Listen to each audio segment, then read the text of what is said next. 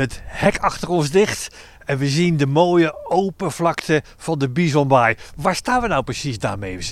Ja, we staan nu op de hoger gelegen delen hier in dit gebied. En het is eigenlijk wel heel bijzonder. Want dat water staat nu eigenlijk weer drie meter hoger of meters hoger dan een, een aantal weken geleden. Dus ja, het is, het is een heel bijzonder gezicht zo. Met zo'n lint van land door het water heen. Ja. We zien recht voor ons uh, de Waal.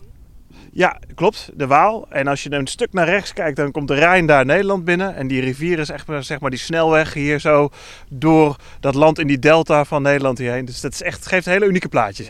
Als we hier doorlopen, ja, het is hoog water. We kunnen over de hoge eh, weg kunnen, kunnen we verder lopen. Maar dan zien we overal riviernatuur, hè? Ja, dat is eigenlijk wel heel bijzonder nu. Dat, dat je die hogere oevervallen liggen nog droog. Dan zie je ook achter ons zo zie je die populieren staan.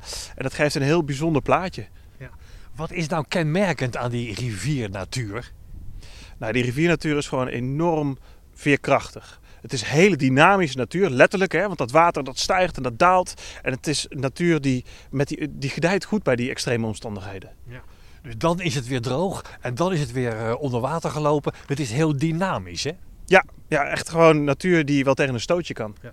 En hier in de Ooipolder, waar we nu staan, daar, daar, is die, ja, daar zijn die, niet zo van die dijken. Daar is het eigenlijk de oever opengebroken, zodat het water uh, vrij spel heeft. Nou, het ligt iets. Er is voor ruimte voor de rivier is er zeg maar meer ruimte gemaakt dat het water sneller afgevoerd kan worden.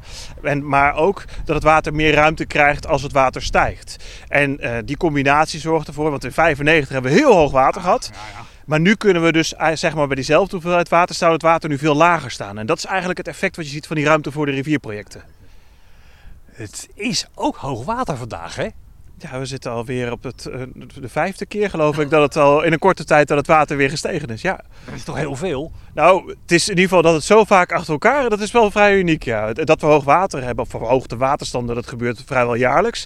Eén keer in de vier jaar ongeveer komt hij echt wel een keertje boven de 14 meter uit. Maar dat hij zo vaak achter elkaar, dat zie je niet heel vaak. Nee, maar dat hoge water, en zeker als het vijf keer achter elkaar is, heel bijzonder dit jaar. Dat, ja, dat water, dat doet wat hè?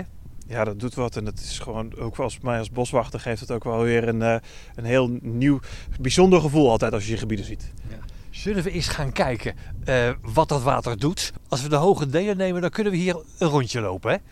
Uh, we kunnen hopelijk een rondje lopen, maar we moeten even kijken, want dat is ook wel weer het gave. Als het water stijgt, dan weet je niet zo heel goed wat je aantreft. Dus het kan zijn dat hier bij de Biesenbaai de brug net onder water staat of net niet, maar dat weten we nog niet. We gaan het zien.